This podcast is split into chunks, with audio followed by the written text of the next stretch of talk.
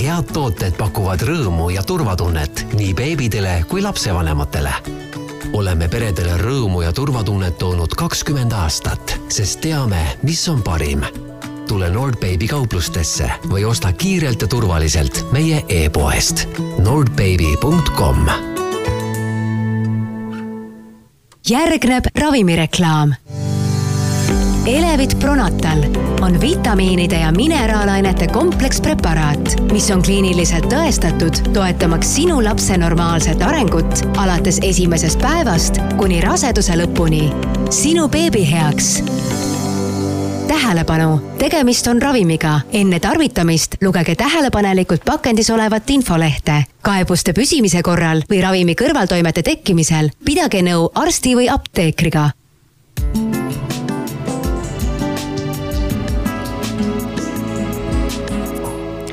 tere, armas kuulaja!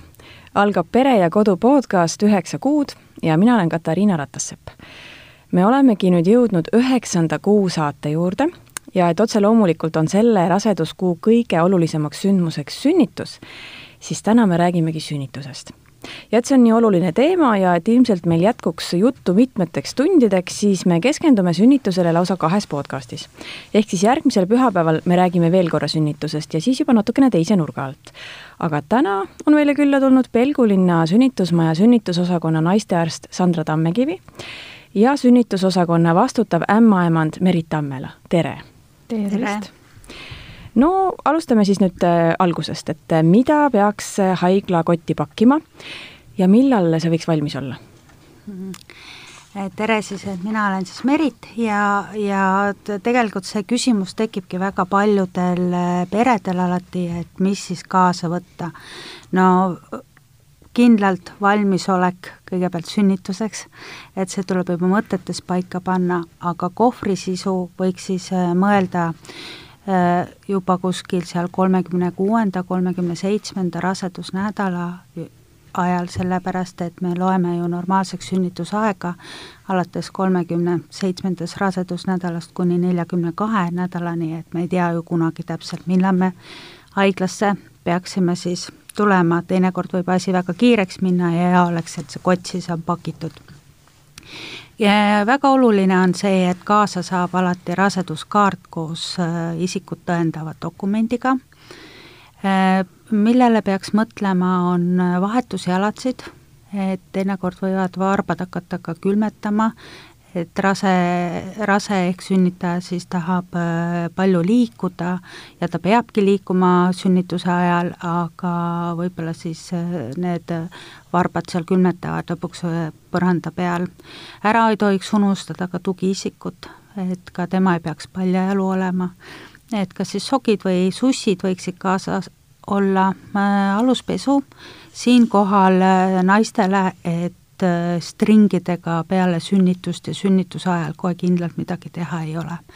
et äh, on vaja suuri äh, hügieenisidemeid, hea oleks siis, et oleks kotti pak-, pakitud lausa sellised uriinipidamatuse sidemed, mis, mis tõesti imavad päris suures koguses vedelikku et neid võiks olla niimoodi neli-viis tükki seal kotis, võrkpüksid või siis suuremad aluspüksid. Mm, kaasa tuleks võtta ka poole pudeli, pooleliitrine veepudel, sünnituse ajal peab väga palju jooma, et vett saame me oma poolt pakkuda, aga oma pudeliga oleks siis mugavam võib-olla juua kui mõnest topsikust. Äh, samuti hügieeniline huulepulk, kuna äh, hästi palju on vaja hingata äh, ja, ja selline läbi suu ventil-, ventileerimine, see sünnituse ajal väga palju kuivatab suud ja huuled lähe-, võivad minna ka lõ-, hakata lõhenema, siis selline maitsetu ja lõhnatu hügieeniline huulepulk oleks sealjuures väga hea kasutada hea oleks ka, et midagi näksimist, et äh, sünnituse ajal päris seapraad ei söö, aga vahepeal võib küll kõht tühjaks minna, siis sellised äh, natuke müslit või või batoonikesi, pähklit, natuke võib-olla šokolaadi, energiaks paljud kasutavad ka glükoositablette, et need on tegelikult sünnituse ajal väga, väga lubatud ja võib-olla ka sünnitusjärgselt äh, mingi hetk oleks neid hea suu, suhu pista, eriti kui see sünnitus jääb öisesse aega. Äh, mida veel võtta, et hügieenitarbed. Ja naine endale võiks kindlalt võtta suure saunalina kaasa, sest äh, kõikides sünnitustubades on ikkagi võimalus äh, tuhude leevendamiseks ka vannis olla, aga vahepeal naine tahab ikkagi vannist välja tulla, siis on hästi hea, kui ta saab iseenda froteerätiku endale ümber panna. ja, ja kui nüüd mõelda natukene naise, äh, naise omapärasele olekule, on see, et ähm, kui, nüüd naine ennast ise vaatab ja, ja leiab, et ta rinnanibud on sissepoole või, või nad noh, nii-öelda kikkis ei ole, siis sünnitusmajja tuleks ka sinna kohvrisse pakkida rinnanibu kaitsmed, et, et me saaksime võimalikult hästi last pärast imetada. et võivad tekkida probleemid, kui on sisse tõmbunud nibud. ja fotoaparaat kõik tahavad jäädvustada, keegi ei keela ka filmimist, eh, filmimisel peab kindlalt koostöö, tähendab kokkulepe olema siis selle personaliga, et et kas võib filmida, aga üldjuhul me lubame, aga me ei luba nagu siis iseennast nagu personali filmida, aga kogu seda ilusat hetke, lapse sündi jäädvustada võivad ikka kõik. muusikat, lugemist ja, ja nii on sai mainitud raseduskaarti. Äh, mis see siis on ja, ja kas ilma selleta üldse sünnitama ei lubata? ikka, et selles suhtes, et me lubame naisi ikka sünnitama, aga rasedakaart on hästi oluline ka terve raseduse vältel, et see kogu aeg oleks ka käekotis sest äh, rasedakaardis on kõige olulisem info ära märgitud nagu naise raseduse jälgimise ajal, et kui seal on mingisuguseid kõrvalkaldeid, siis aga kui sa jõuad sinna arvutisse, hakkad seda naise lugu otsima, siis tegelikult olgem ausad, meie silmad ja käed on palju kiiremad, et avada see rasedakaart ja kohe näha, kui seal on võib-olla mingisugune äh, patoloogia kirja pandud, et me teame kohe sellele reageerida, et seepärast on see rasedakaart hästi oluline. et kui sünnitus algab ootamatult ja kodust läbi ei jõua, siis võib ka ilma selle rasedakaardita tulla? Äh, kodunt ei tohi naine üldse tegelikult välja minna ilma selle rasedakaardita. et öeldakse noh, niimoodi naljaviluks, et, et äh, kui prügikasti välja viid, siis võiks see rasedakaart ikkagi kaasas olla mm. -hmm no räägime nüüd natukene siis äh, sünnitusest äh, üldiselt, et kuidas kulgeb üks loomulik sünnitus?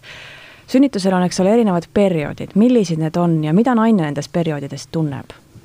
Äh, tervist, nagu küsimus juba kõlab, et loomulik sünnitus kulgebki võimalikult loomulikult ja ilma suuremate vahele sekkumisteta, et tõesti, sünnitus on jaotatud perioodideks, aga kas nüüd sünnitaja peab teadma selle, nende perioodide nagu sügavat kliinilist tähendust, et pigem on võib-olla hea, kui naine teab, et äh, sünnituseks on vajalik, et emakakael lüheneks, avaneks ja peale avanemist siis toimub äh, loote laskumine sünnitusteedesse, ehk siis väljutusperiood, mis lõpeb sünniga ja pärast seda on siis veel tunnike, kus oodatakse platsentat järgi.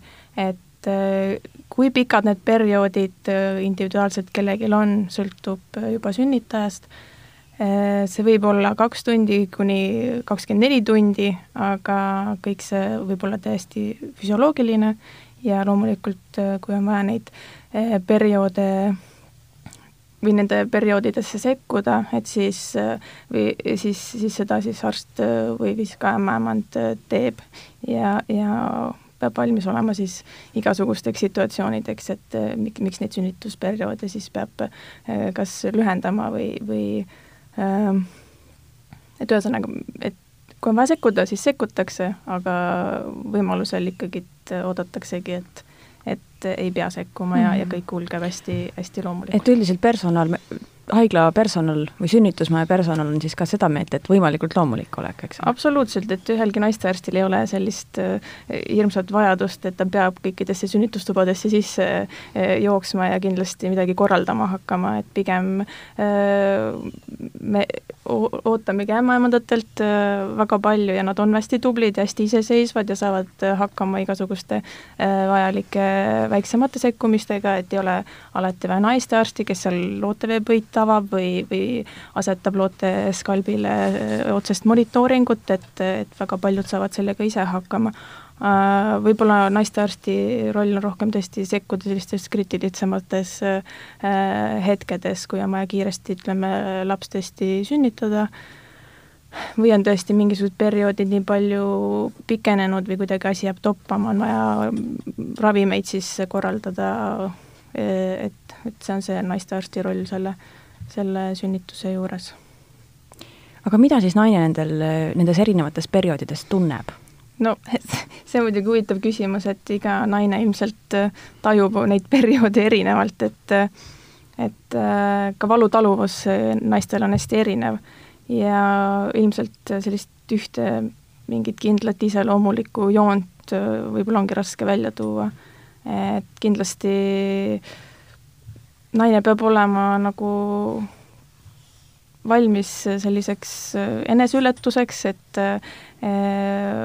et valu saab leevendada erinevate meetoditega, aga naine peab iseennast usaldama ja öö, oma keha usaldama, et et ei tohiks minna paanikasse, pingesse, et kui ta selle enda jaoks nagu läbi mõtleb enne juba sünnitama tulles, et siis need asjad ka liiguvad selle poole, et, et sünnitus kulgeb võimalikult loomulikult. millal on õige aeg minna sünnitusmajja, kuidas naine selle ära tunneb? Äh, küsimus mulle äh, ilmselt korduvsünnitajal võib-olla on see lihtsam aru saada, kuna tal on varasem kogemus olemas. Äh, ütleme klassikaliselt ikkagi tek-, tekivad emakakontraktsioonid, mis on äh, regulaarsed ja tihenevad ajas, äh, et alati ütleme, vee puhkemine ei tähenda kohe seda, et ka sünnitus on käiku läinud, et vee puhkemine on märk, et, et peaks varsti hakkama sünnitama, sest et liiga kauaks ei tohiks ütleme, vesi sinna nii-öelda nirisema jääda infektsiooni riski tõusu tõttu Äh, aga igal juhul, kui ütleme, see lootevesi on kas roheline või verine või mis iganes, looteliigutused vähenevad oluliselt või ka äh, ühesõnaga, et siis, siis tuleks kindlasti sammud seada sünnitusosakond või sünnitusmaja poole. Äh, et see õige hetk on raske, mõni tuleb tõesti väga äh, varakult, et kohe esimese valupoja peale on juba kohal ja, ja siis pettub, kui tuleb välja, et tal emakakaelas pole ühtegi muutust veel ja, ja ta saadetakse ukse pealt äh, koju veel või, või, või kõndima ja liikuma, et, et, et lihtsalt äh, võib-olla ongi, et liiga vara ei maksa tulla, samas ei maksa ka hiljaks jääda, et, et ka noh, äkksünnitus võib toimuda väga kiiresti ja ikka on kuulda, kuidas lapsed sünnivad nii kiirabiautos kui ka seal oma noh, tahtmatult kodus või, või mis iganes, et et äh, peab olema valmis siis äh, kiiresti tulema, aga, aga võib ka mõelda selle peale, et kui ütleme, tuhud ei ole päris regulaarsed, kümnes minutis ütleme kaks tuhu öö, äh, rohkem, et, et siis võib ennast kodus jälgida ja, ja aga noh, valmisolek peab olema, et, et kas, kas siis teada, millal kedagi kutsuda järgi omale või siis või, või noh, kiirabi muidugi aitab samamoodi tuua haiglasse, et kui ei ole lähedast inimest, kes, kes viib ära. aga ühesõnaga, see on ilmselt selline sisetunne rohkem aga mina mäletan oma rasedusajast, et siis räägiti seda viie minuti reeglit, et kui tuhud on viieminutiste vahedega, et siis võiks hakata sünnitusmajja minema. jah, no see ongi, et kümnes minutis kaks tuhu, see ongi viie minuti taga, et, see on nagu niisugune viie, aga noh, see ei tähenda tõesti sekundi pealt viie minuti tagant peavad need tuhud olema. et, äh, et see tähendab ikkagi seda, et kas on niisugune kolm kuni viis, neli kuni kaheksa või no niisugused nagu mm -hmm. ikkagi alla kümneminutilised vahed, mis ajas intensiivistuvad ja tihenevad. et see on nagu kindel kindel märk, et ikkagi sünnitustegevus on käiku läinud. aga kuidas nende vetega ikkagi on, et kui veed puhkevad, siis millal ja mingit tegevust sellele ei järgne, siis millal oleks ikkagi õige aeg minna üle vaatama, mis toimub? kui vesi on selge ja või niisuguse roosaka varjundiga või, või et siis põhimõtteliselt ähm, põhimõtteliselt äh, on see kodus olemise aeg äh, kaksteist tundi, noh, kümme, kaksteist tundi mm, -hmm. et kaheteist tunni möödudes äh, haiglas võetakse analüüsid põletikumarkeritele ja tupest külv ja, ja siis põhimõtteliselt, kui naine soovib veel koju minna ja ei ole tegevust ja ta ei soovi ka aktiivset sekkumist, siis ta võib veel koju minna Äh, kuueks tunniks, et siis põhimõtteliselt äh, kaheksateist tunni möödudes tuleks alustada juba profülaktilist antibiootikumi, see on äh, intravenoosne ehk siis veenisisene ja seda tehakse siis juba haiglas olles, nii et, et selleks hetkeks peab juba kindlasti olema ennast haiglasse mm -hmm. sisse kirjutatud. no filmidest me kõik teame, et filmides algab alati sünnitus ju nende lootevete puhkemisega Kärtsu ja siis, jah, siis joostakse haiglasse, et ühesõnaga tegelikult ei pea kui looteved on selge, ei pea kusagile jooksma? ei pea, et tulebki jälgida, ütleme ka looteliigutusi, vee värvust ajas ja, ja nende kontraktsioonide siis kas teket või, või siis mitte teket ja kui see tõesti igal juhul jah, just, et mm, -hmm. et peab teadma neid väikseid nüansse. millistel juhtudel on vaja sünnitus esile kutsuda ja kuidas see toimub?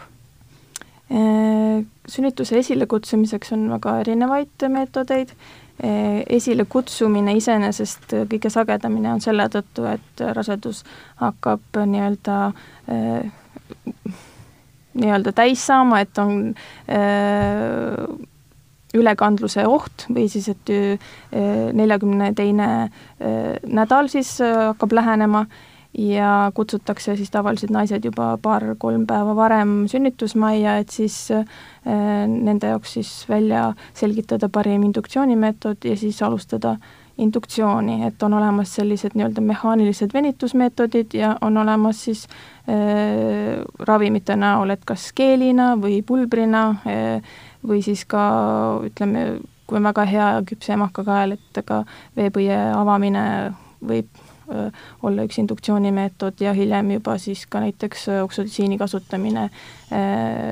infuusoriga skeemide järgi, et et iga naise jaoks valitakse jälle individuaalne meetod, mis siis võiks kõige rohkem sobida just sellel hetkel vastavalt tema emakakaela küpsusastmele. et mm -hmm. aga kas mingil põhjusel kutsutakse sünnitust ka esile siis enne seda, kui on see ülekandluse oht? Eh, jaa, et eh, ülekandlus eh, või eeldatav ülekandlus on ainult üks põhjus, mistõttu sünnitust hakatakse esile kutsuma, et tihtipeale on seal lisaks veel näiteks ema kaasuvad haigused rasedusaegsed, näiteks gestatsioonidiabeet, kus eh, siis eh, raseduse esilekutsumine on näidustatud varem kui, kui seal nelikümmend üks ja pluss nädalat. loomulikult sada muud erinevat põhjust, kas lapsel on üsasisest kasvupeetust kahtlustatakse või on seal lootevee hulgaga probleeme või, või on ka sellised situatsioonid, kus ka ütleme, ema kurnatus või selline ühesõnaga sellised mured nagu on põhjuseks, miks see rasedus võiks siis varem äh, lõppeda. et neid põhjuseid leiab mm. -hmm. nii, järgmine küsimus on selline, et äh, kuidas naine saab ennast äh, sünnitusmajas või sünnitustoas mugavalt tunda, koduselt?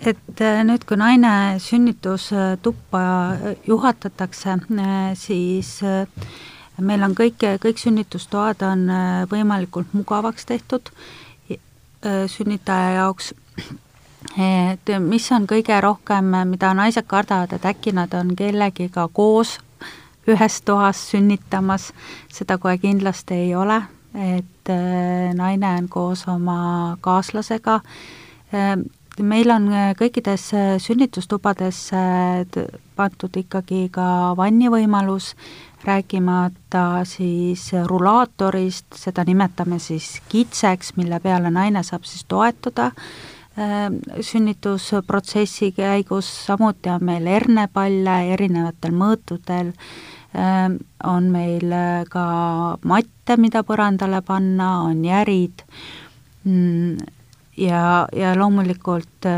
on ka meil sellised nagu rippredelid on seinte peal, kus saab ka erinevaid asendeid võtta, et meie armsad, armsad professionaalsed ämmaemandad juha, juhendavad neid, neid sünnitajaid igas erinevas sünnitusfaasis erinevalt, just sellepärast, et kõik kulgeks edasi hästi loomupäraselt ja, ja loomulikult me tahame ju seda, ikkagi seda tuhudeaegset valu kuidagi leevendada, mitte medikamentoosselt, et kui me mõtleme siia loomuliku sünnituse poole peale, siis, siis need võimalused on nagu sünnitustoa poolt kõik antud, et meil isegi need funktsionaalsed sünnitusvoodid on võima-, võimalik panna ka erinevatesse asenditesse, mis siis tegelikult naisele sellise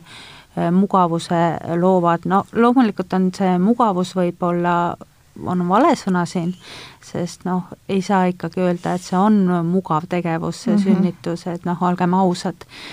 aga, aga me saame kindlalt seda meelde jää-, noh, rohkem meeldejäävamaks kujundada läbi selle, et me saame naisele sünnitusprotsessi käigus äh, igasuguseid erinevaid võimalusi pakkuda. kui suur osa sünnitustest on vettesünnitused? Siin tegin mitte ammu just sellist väikest statistikat või niimoodi vaatasin, et tegelikult kümme protsenti võiks ta olla keskeltläbi, kuus kuni kümme.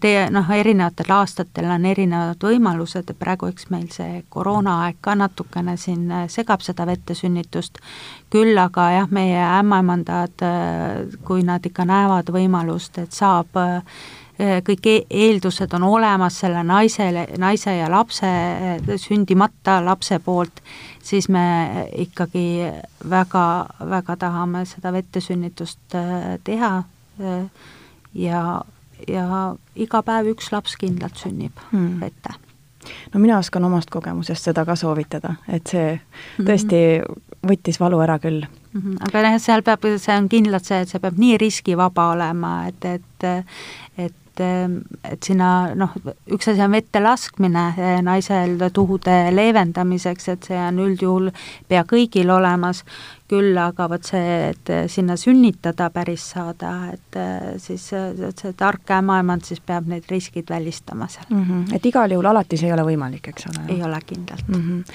no aga milliseid võimalusi veel on sünnitusvalu leevendamiseks? hingamine, õige hingamistehnika, et äh, jälle see juhendamispool, eks, et äh, tahes-tahtmata valu tekitab äh, naistes hirmu, võib-olla ka mõne natukene paanikat. Ähm, oluline on kõigepealt see kõik maha võtta naisele, korralik selgitustöö teha, juba see on juba edasijõudmine sünnituse juures. ja, ja need asendid aga läbi asendite tuleb kohe kindlasti ka õigesti hingata, et, et see väga sügav hingamine eh, nina kaudu sisse ja suu kaudu välja, et, et see aitab hästi palju lõõgastada ja erinevad asendid siis ja. aga medikamentoossed võimalused? Eh, no kõige populaarsem ilmselt eh, üle kogu maailma, ka Eestis, on epiduraalanalgeesia Eh, mis on üsna tõhus ja võimaldab siis eh, naisel kuskil kaks, kaks pool tundi eh, tõesti ennast hästi nagu lõdvaks lasta, tihtipeale see epiduraalanalgeesia mõjub hästi ka emakakaela avanemisele ja on igatpidi selline hea hea nagu ka sekkumise vahend eh, jälle, kui rääkida siin arstide sekkumisest sünnitusse. et tihtipeale ka naised eh, kas ise ei oska küsida seda või ka kardavad selle epiduraali nagu paigaldamist või selle äh, olemust, aga, aga jällegi, nagu Merit ütles, siis hästi oluline on siin äh, selgitustöö ja, ja nõustamine ja, ja pakkuda neid variante mis siis äh, võiksid seda sünnitusvalu leevendada. Äh, ja noh, üldiselt mis veel võib leevendada sünnitusvalu, on, on naerugaas, aga seda ka tihti võib-olla kõigile see ei sobi, see muudab võib-olla osad sünnitajad selliseks pigem nagu uimaseks, aga aga osadele jälle meeldib ja, ja nad küsivad seda ja, ja miks mitte siis neile seda pakkuda. epiduraali kohta, eks ole, küsiksin nüüd, et millal seda üldse teha võib, et mingi hetk on liiga hilja, eks ole?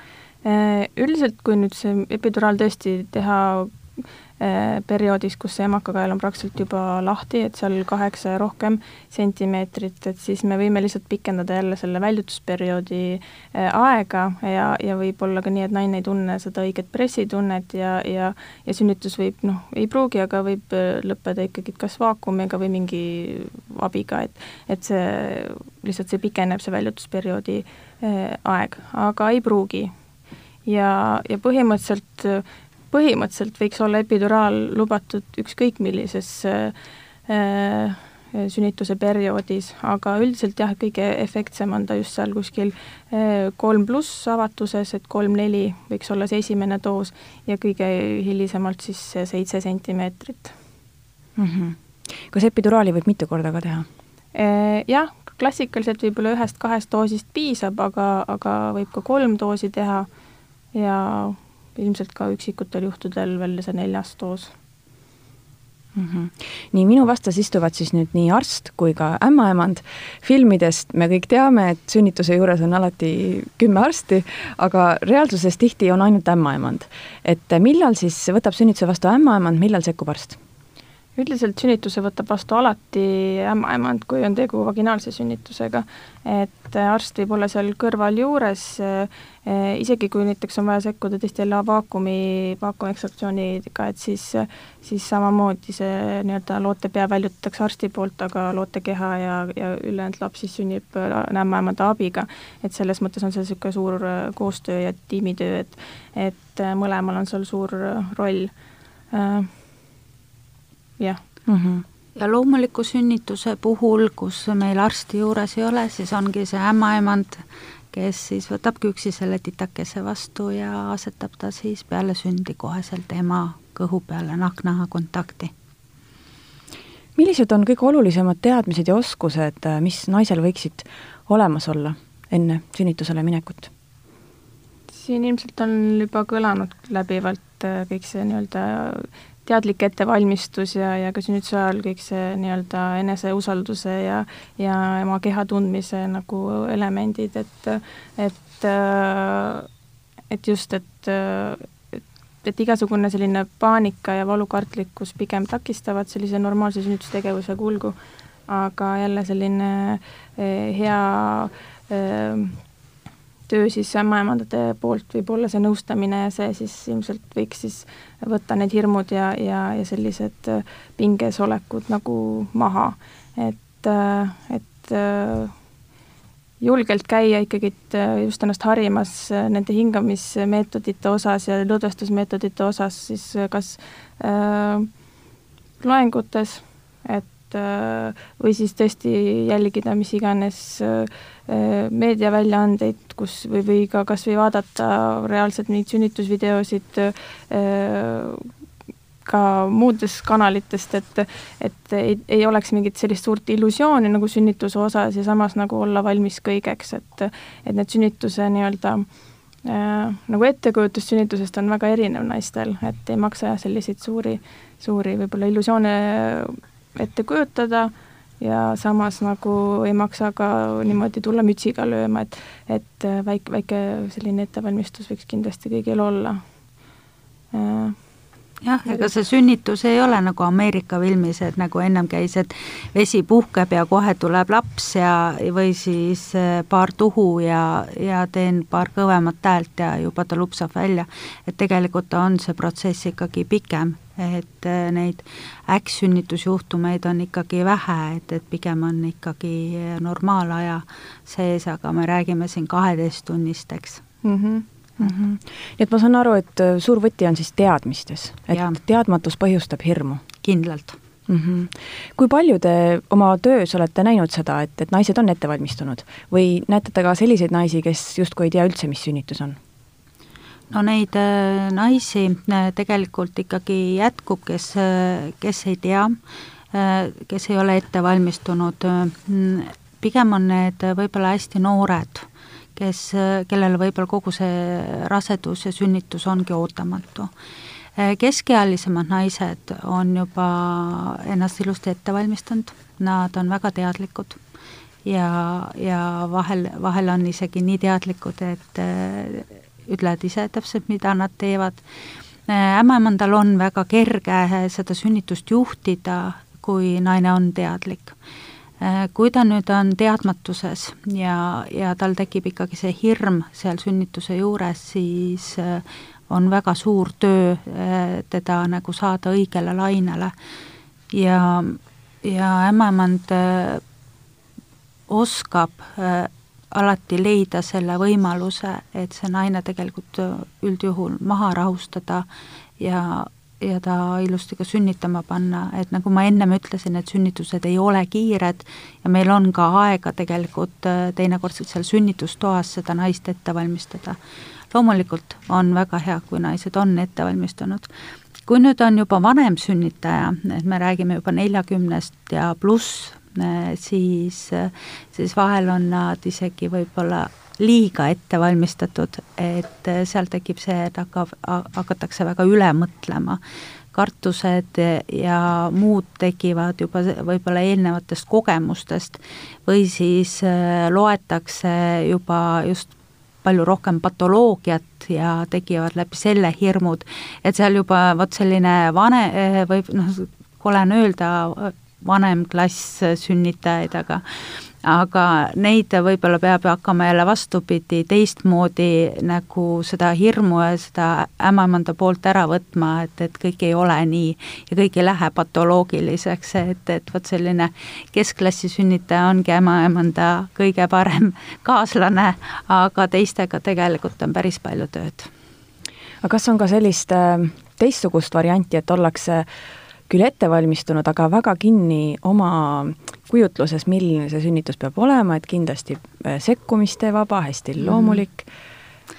jah, äh, on äh, hästi populaarne on koostada siis sünnitusplaan ja sünnitusplaan, kui ta on mõistlikult ja arusaadavalt ja hästi kirjutatud, siis, siis me saame seda väga ilusti ka läbi arutada, teinekord on mõndadest loengutest või mõned sellised Ehm, raamatud, mis on juhtunud võib-olla raseda kätte, mida ta on lugenud võib-olla, mis siin aastakümneid tagasi tehti ja ta ongi need kirja pannud, et tema neid asju ei soovi, siis saabki ilusti ära seletada, et, et selliseid asju enam ei tehta. Et eh, sealt saad kohe aru selle ettevalmistuse tegelikult, eh, missugune see naisel siis on mm.. mis teeb väga raskeks, teeb, teeb läbirääkimisi, kui naine on võtnud endale kindlalt ei-d. et seda ei tohi, toda ei tohi ja seda ma ei taha. Äh, vot siin jälle oskuse ämmaemandal, me peame suutma need murda. Et me peame jälle läbi rääkima, läbi nõustama ja, ja leidma selle pidepunkti, Äh, kust see hirm on tulnud, äh, miks ta ütleb, miks ta tahab, et ei tohi, ei taha. on ikkagi naisi, kes jäävad väga kindlaks ja, ja väga kindlaks jäävad naised, kes on võib-olla usulistel teemadel nagu või ongi tema, tema usk on selline, et ei tohi teatud asju teha, siis siis me tegelikult hoiame kõik alati hinge kinni, et see sünnitus võimalikult kiirelt ära lõpeks, et ja riskivabalt. ma kujutan ette, et üks selline asi, mille vastu siis nagu sõjakalt ollakse, aga mis on tegelikult juba ammu muutunud, on see, et kui laps sünnib, siis ta antakse ema kätte.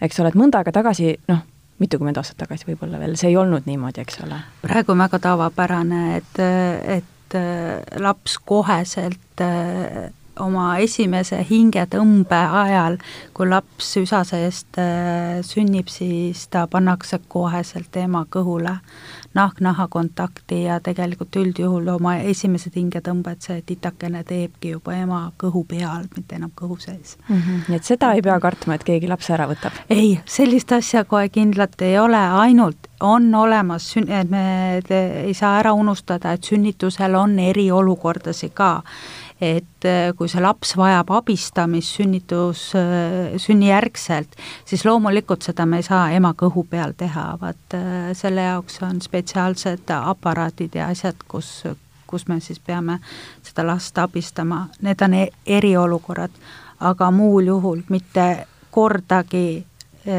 last ja ema ei lahutata. aga räägimegi siis täpsemalt, et mis siis juhtub, kui laps sünnib peale lapse sündi äh, siis äh, laps asetatakse ema kõhu peale nahk-naha kontakti. Ja, ja seal siis, nagu ma ütlesin, et ta siis teeb oma esimesed hingetõmbed sel perioodil ämmaemand siis jälgib seda titat, vajadusel võib-olla peab teda ka äh, selja pealt natukene silitama, et suunaga siis altpoolt ülespoole, et pepu poolt pea poole selga si äh, silitatakse. seda tavaliselt õpetabki ämmaemand siis emal endal tegema. Ja, ja mis see siis aitab, see aitab siis äh, lapsel, et tal kopsud avaneksid, et ta teekski kõvemat häält ja, ja kopsudest peab siis välja tulema kõik see vedelik, mis ta seal üsasisese eluaja jooksul äh, siis äh, kogunenud on. Ja, ja siis ämmaemand jälgib kõik seda nahavärvust ja, ja lapse hingamist, samamoodi lapse lihastoonust jälgib äh, lapse reflekse ja sellest kujuneb välja siis kuulus Apkari hinne et äh, paljud kohe küsivadki, mis mu lapse hindeks sai, lapsed on nagu koolipingis meil jah, juba kohe peale sündi, aga tegelikult on, äh, siis ongi esimese minuti ja viienda eluminuti ajal siis ämmaemand neid samu punkte siis äh, hindabki. Ja maksimum on kümme, seda saadakse üldjuhul väga-väga harva, aga kui teie lapse Apkari hinded on üle seitsme, seitse kaasa arvatud, siis teie lapsukesega ongi kõik väga-väga hästi. Äh, mis me siis peale sünnitust veel teeme? tegelikult meie ei teegi, vaat äh, kaaslane äh, peale nabaväedi pulseerimist ehk enam verevoolu ema ja lapse vahel läbi nabaväedi ei toimu, siis saab selle au läbilõikamisele siis elukaaslane või kaaslane, kes teil kaasas on kui nüüd kaaslane mingil põhjusel ei soovi või teda ei ole kaasas, siis äh, antakse see võimalus emale, et ema ise selle nabaväedi siis läbi lõikab. ja esmane imetamine äh, toimub samuti kohe sünnitusjärgselt, et äh, et sinna vahepeale või peale imetamisaega siis veel kaalutakse, mõõdetakse lap-, laps ära ja, ja loomulikult seal on veel võimalus ämmaemandal uuesti äh, nagu läbi vaadata seda last, et äh, palju neid varbaid on ja, ja et kõik oleks sünkroonis, et, et see lapsukene hea välja näeb äh,. Mis me veel seal teeme? tegelikult ongi, kaks tundi läheb väga kiirelt peale sünn, sünn, sünnitust, et äh, ämmaemand sel perioodil siis peab nende kõikide asjadega ära toimetama, loomulikult on veel üks, äh, mida alati ämmaemand peab küsima perelt, on äh, K-vitamiini äh, süstimine, et haiglates tehakse ainult süste varianti. Ja, ja, ja see tuleb tegelikult sünni, sünnijärgselt ära teha lapsele. Ema, ema puhul peale sündi me teeme ka ühe profülaktilise süsti ja see on siis oksüdotsiini prof-, oksüdotsiini süst, mis siis on verejooksu ärahoidmiseks. et, et sünnitusjärgne kõige suurem tüsistus ongi verejooks ja, oksüdotsiin on siis see, mis tegelikult aitab ära hoida, küll aga me ei saa nüüd öelda, et sada, sada protsenti ta nüüd kaitseb meid aga, aga vähemalt me teame, et me oleme sünnitusjärgselt seda naisele teinud ja, ja vot see kahetunnine nii lapse jälgimine kui naise jälgimine ongi siin hästi oluline sünnitusjärgselt. Ja peale seda on siis üleviimine juba sünnitusjärgsesse palatisse. kui kaua siis tavaliselt üks pere seal on? sünnitusjärgses? Mm, esmassünnitajate puhul me ikkagi äh, vähemalt äh, kaks kuni kolm ööpäeva äh, hoiame, aga ega need esmassünnitajad tegelikult tahavad ka olla ämmaemandaga puutuvad nad kogu aeg kokku sünnitusjärgselt, sellepärast et ämmaemand ongi põhitegelane seal sünnitusjärgses osakonnas kes siis õpetab ja aitab ja veendub, et see pere selle titaga ilusti hakkama saab. Ja kui me näeme, et kõik ongi hästi, siis me, siis me anname nendele siis küsimuse ette, et kas te olete valmis koju minema ja kui sealtpoolt tuleb ka jah, siis, siis me lubame.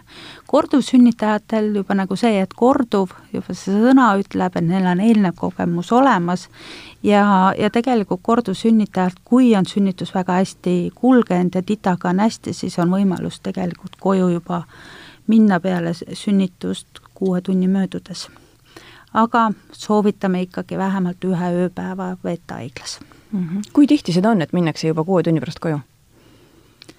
Äh, tegelikult on vähe, naised tahavad tegelikult äh, olla ja kui on kodus veel sellised pisikesed, siis võib-olla isegi naised paljud ütlevad, et teate, ma tahaks selle ühe öö kindlalt siin olla, et, et tahangi tutvuda selle uue ilmakodanikuga ja olla temaga koos, et, et seda äh, tema noh, naise jaoks on ka see uus olukord, see uus sünd ja, ja et sellega kõik kohaneda, siis tegelikult see on päris raske, kui mõelda, et kodus on neid veel võib-olla kaks-kolm-neli tükki, eks, kes tahavad tähelepanu, siis vähemalt selle ühe ööpäeva saab see ema, ema oma lapsukesele anda nii, et ta ei pea ennast jagama teiste laste vahel mm. -hmm. no aitäh, Sandra ja aitäh, Merit saime ilmselt äh, ringi peale sellele olulisele teemale. nagu ma juba mainisin, siis äh, nädala pärast räägime uuesti sünnitusest, sest see on üks väga-väga pikk ja põhjalik teema.